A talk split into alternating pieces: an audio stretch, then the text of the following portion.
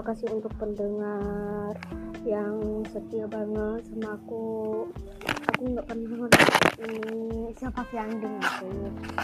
Jadi pendengar saya itu banyak banget. Terima kasih untuk kalian semua yang kalian sudah mendengarkan podcastku aku aku akan janji akan akan mengangkat lagi dan dan akan merilis podcast kalian setia banget sih sama aku. Makasih ya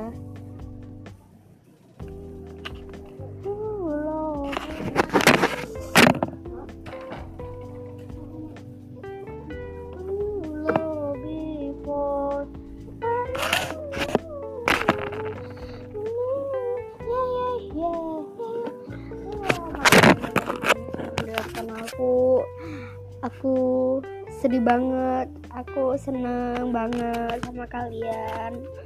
Makasih ya. thank you